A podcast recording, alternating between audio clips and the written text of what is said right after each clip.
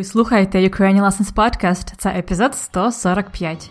Українські народні музичні інструменти.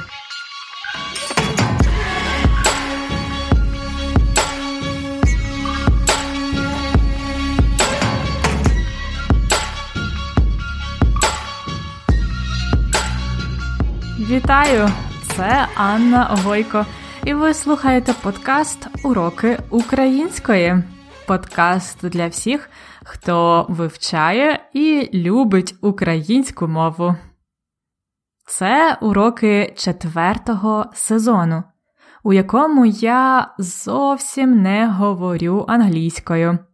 Я вживаю тільки українську мову і намагаюся говорити повільно і чітко. Не знаю, наскільки добре це в мене виходить, але, як завжди, повний текст епізоду, тобто все-все-все, що я кажу, ви можете прочитати в конспекті уроку. Ми стараємося готувати для вас е, зручні і корисні конспекти до кожного уроку з повним текстом, перекладом складних слів, списком ідіом, граматикою і вправами. Якщо ви ще не оформили передплату, тобто підписку на ці конспекти, ви можете зробити це на сайті. А якщо ви вже преміум підписник, не полінуйтеся роздрукувати ці конспекти, щоб е, перечитувати текст і робити вправи. Усі деталі про преміум підписку є за посиланням ukrainianlessons.com риска преміум англійською. А сьогодні я пропоную вам тему, яка особисто мене зацікавила, коли я була в Києві на зимових канікулах. Я вам розказувала в попередніх епізодах, що я ходила на різні заходи в Києві в січні. Зокрема, я була на концерті оркестру народних інструментів. Цей оркестр називають Наоні Н-А-О-Н-І Національний академічний оркестр народних інструментів. Ох, сказати, що мені сподобався концерт, це нічого не сказати. Я була просто в захваті. Мені настільки сподобалось, що я досі під враженнями. Дуже вам рекомендую. Якщо будете мати можливість, сходіть на концерт на Оні. Про їхні нові концерти ви можете дізнатись на їхній сторінці на Фейсбуці. Пошукайте на Фейсбуці Наоні українською. Ну, а якщо ви поки не маєте можливості сходити на концерт, е, слухайте далі цей епізод, бо я підготувала для вас е, трошки інформації про українські народні інструменти. Ну і, звичайно, ми будемо їх слухати. То як, готові?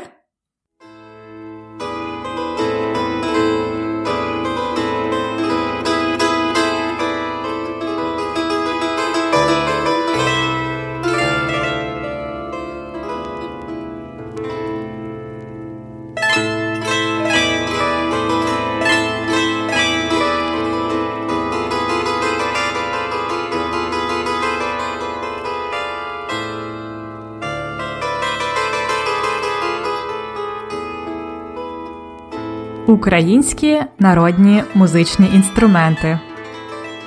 Якщо говорити про українські народні інструменти, перше, що спадає мені на думку, це бандура. Ви можете чути її зараз. Бандура. Бандура це струнний музичний інструмент. Тобто вона має струни.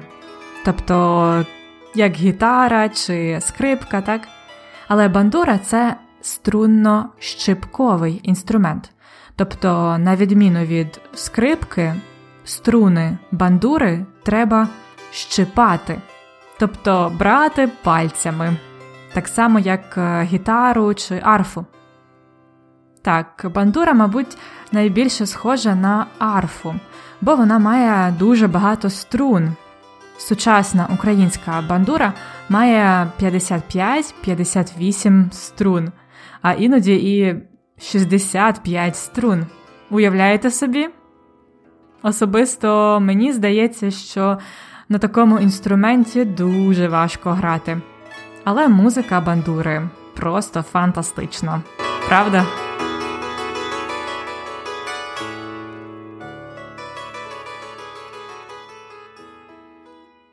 Різновид бандури кобза. Кобза це інструмент, який схожий на бандуру, але його вважають набагато давнішим в Україні. В Україні кобза відома з 13 століття, і особливо вона була популярна в козацькі часи. Тоді існували такі люди кобзарі. Вони багато подорожували, грали на кобзі і співали для людей. Крім того, були придворні кобзарі. Вони виконували пісні в королівському дворі в Польщі та імператорському дворі в Росії. Можна сказати, що це була ціла професія кобзар. Часто кобзарі були сліпими, незрячими, тобто вони не могли бачити, вони були незрячі, сліпі. А пісні, які співають під кобзу, також були дуже особливі. Їх називають думи. Ось послухайте уривок думи.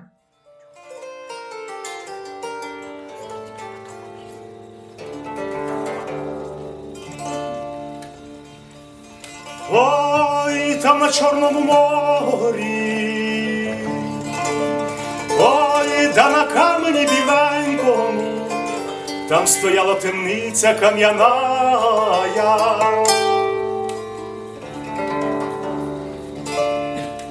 А в тій темниці сімсот козаків бідних невольників пробував.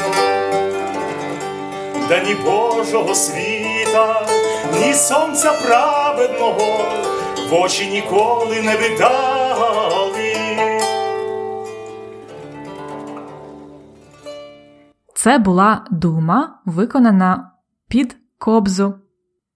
І знову ж таки, як і з діалектами в попередньому епізоді, різні музичні інструменти були характерні для різних регіонів України.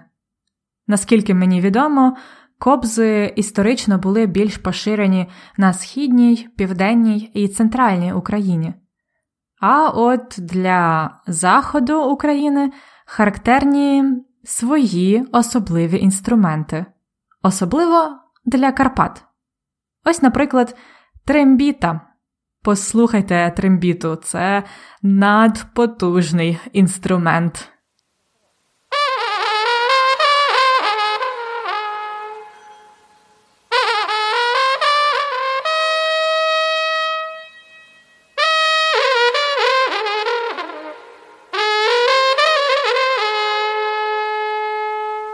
Трембіта це духовий інструмент, тобто як саксофон чи труба. Але трембіта це дуже-дуже довга труба. Вона може бути довжиною від 2,5 до 8 метрів. Уявляєте собі? Трембіта це був практичний інструмент. Її використовували вівчарі, тобто люди, які пасли овець. Таким чином вони повідомляли про своє розташування. Тобто в горах е, можна легко загубитися, тому вівчарі подавали звук трембітою, щоб е, дати людям знати, де вони. Також були спеціальні звуки трембіти, щоб е, повідомити про час, про початок і кінець робочого дня або про якусь небезпеку. Також трембіту грали, коли народжувалась дитина або хтось помирав. Трембіту виготовляють з дерева в Карпатах. І цікаво те, що за традицією найкраще дерево для трембіти це громовиця, тобто це таке дерево, у яке влучила блискавка. Знаєте блискавку? Це такий електричний розряд, е, який буває, коли йде дощ, коли погана погода. Блискавка. Отже, це була трембіта. А наступний інструмент, популярний на Західній Україні, це цимбали. Слухайте гуцульські цимбали.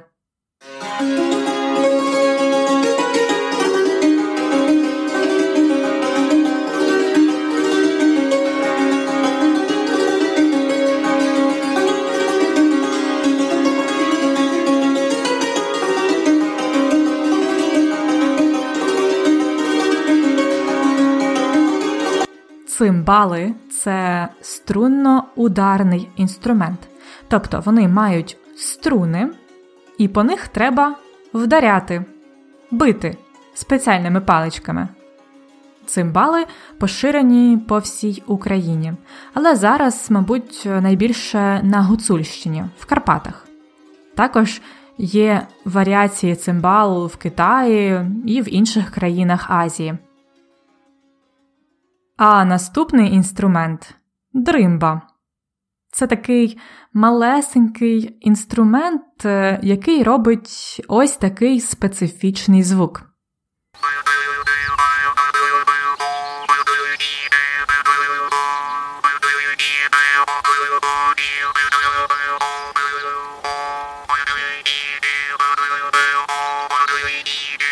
Угу.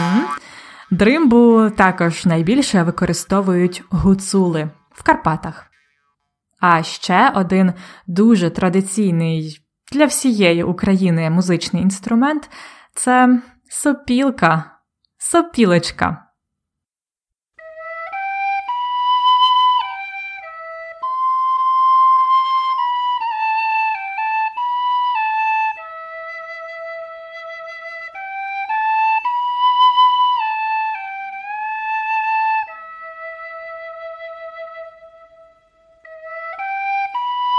Сопілка це духовий інструмент, і це один з найдавніших музичних інструментів України.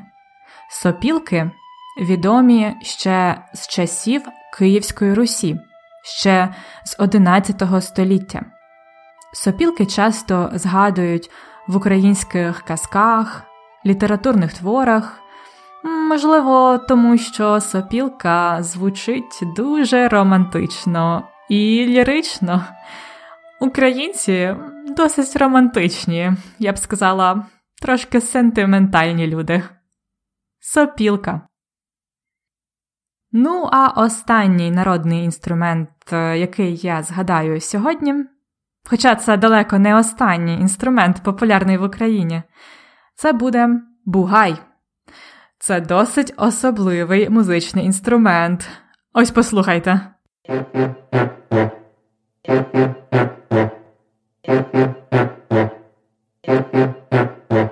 Особливий, правда? Бугай нагадує ревіння бугая, тобто звуки, які робить бик, чоловік корови. Тому інструмент і назвали бугай, бо він видає схожий звук, як ця тварина. На вигляд, цей інструмент теж досить специфічний. Це така кругла діжка, яку обтягують шкірою, а зверху прикріплюють волосся коня. Так, коняче волосся. Ви просто мусите побачити це на власні очі. На сторінці цього епізоду я залишу посилання на цікаву статтю про українські народні інструменти. Там є фотографії інструментів, про які я згадувала, а також ви можете почитати там про інші цікаві традиційні інструменти. Також я додам на сторінку епізоду відео зі звуками, які ви чули, добре? Отже, сторінка цього епізоду ukrainianlessons.com, риска епізод 143 ukrainianlessons.com slash episode 143.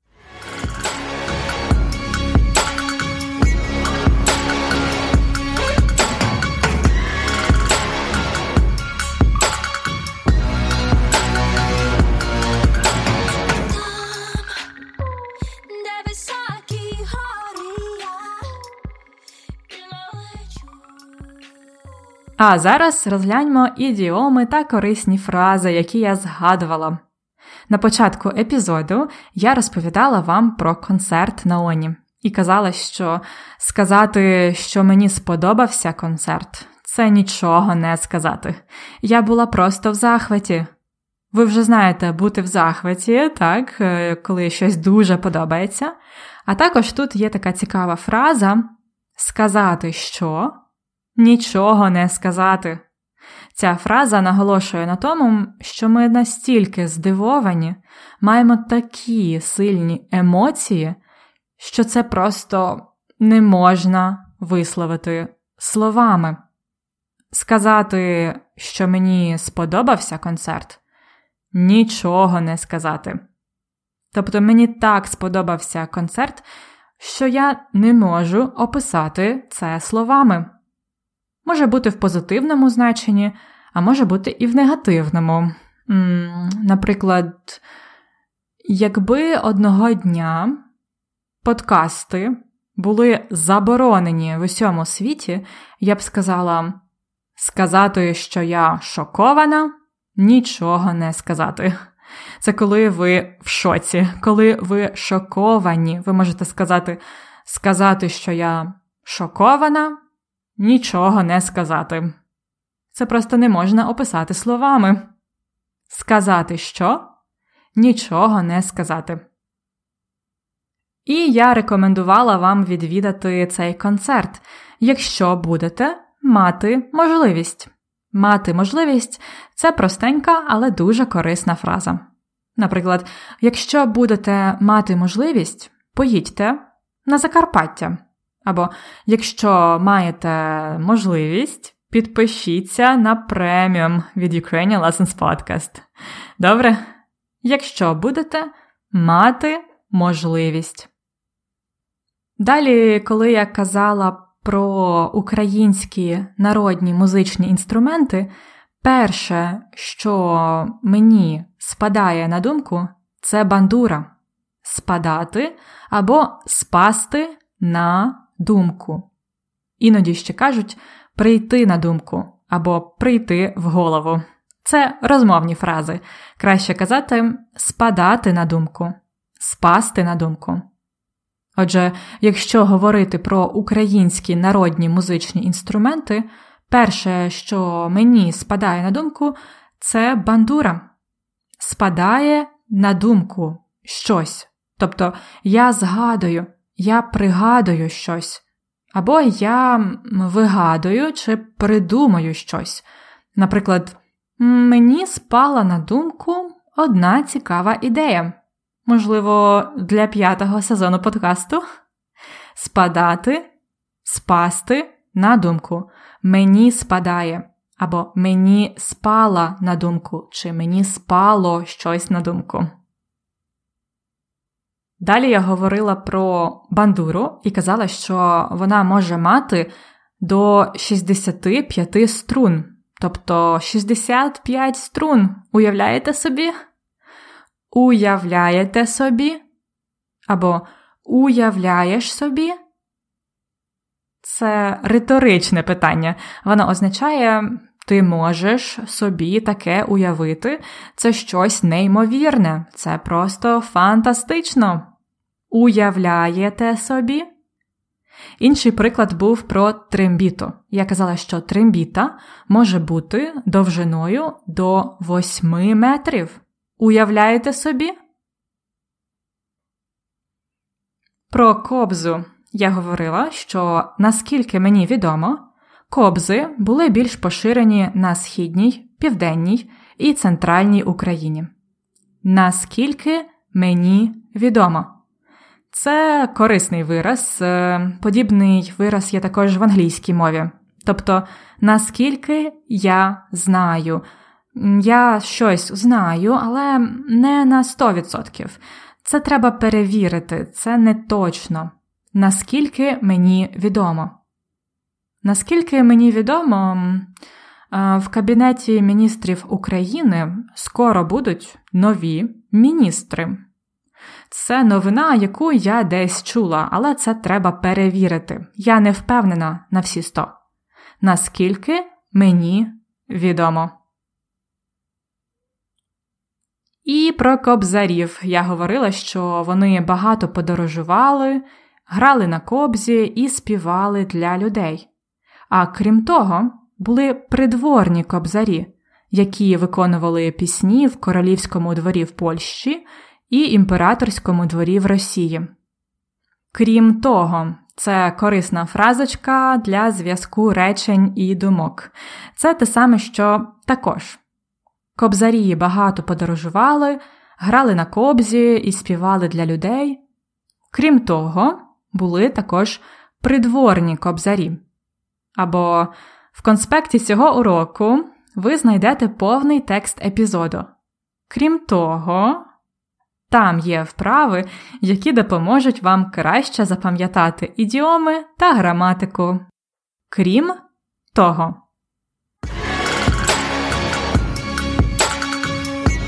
Цікавинка з граматики. У четвертому сезоні подкасту я говорю українською мовою тільки. Я намагаюсь говорити повільно і чітко. Але не знаю, наскільки добре це в мене виходить. Наскільки? Наскільки це вираз певної міри, певного ступеня. Тут можна замінити наскільки на як або якою мірою.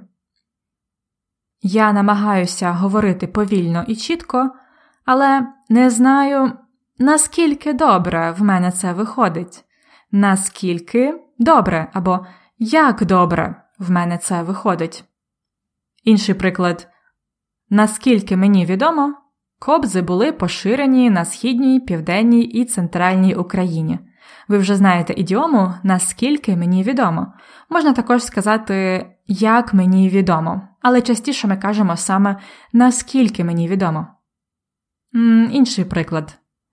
На іспиті будуть перевіряти, наскільки добре ви володієте українською мовою. Угу. Наскільки. А також є ще інше, дуже схоже слово. Настільки. Угу.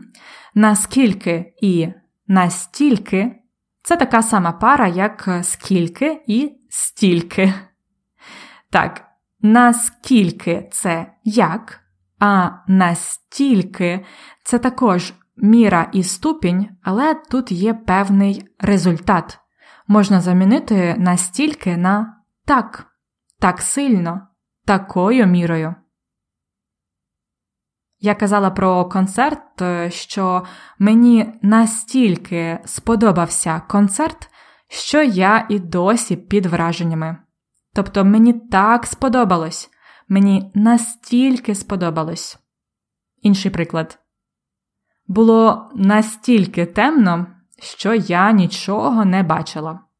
Так темно, настільки темно, що я нічого не бачила. Або вона настільки розумна, що може вступити до університету Шевченка. Угу, Це дуже престижний університет. Але вона настільки розумна, така розумна, що може вступити туди. А ще ці два слова настільки і наскільки можна вживати разом у певному відношенні.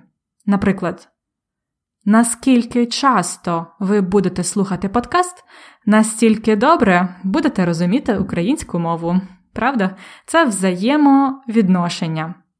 Наскільки часто ви будете слухати подкаст, настільки добре будете розуміти українську мову.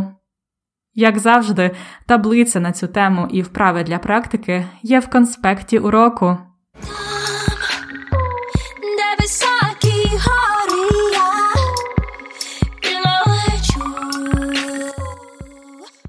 А на сьогодні все. Ну як, сподобались вам українські традиційні інструменти? Наскільки вас зацікавила ця тема? Якщо вам цікаво побачити фотографії українських народних інструментів, запрошую вас на сторінку епізоду ukrainianlessons.com риска епізод 143. Також там ви можете дізнатися більше про те, як оформити преміум підписку, щоб е, отримувати конспекти уроків з транскриптом, таблицями і вправами. Сторінка епізоду ukrainianlessons.com Риска епізод 143 ukrainianlessons.com slash episode 143 А я хочу побажати вам гарного дня чи вечора гарного тижня або гарних вихідних. До наступного епізоду. На все добре!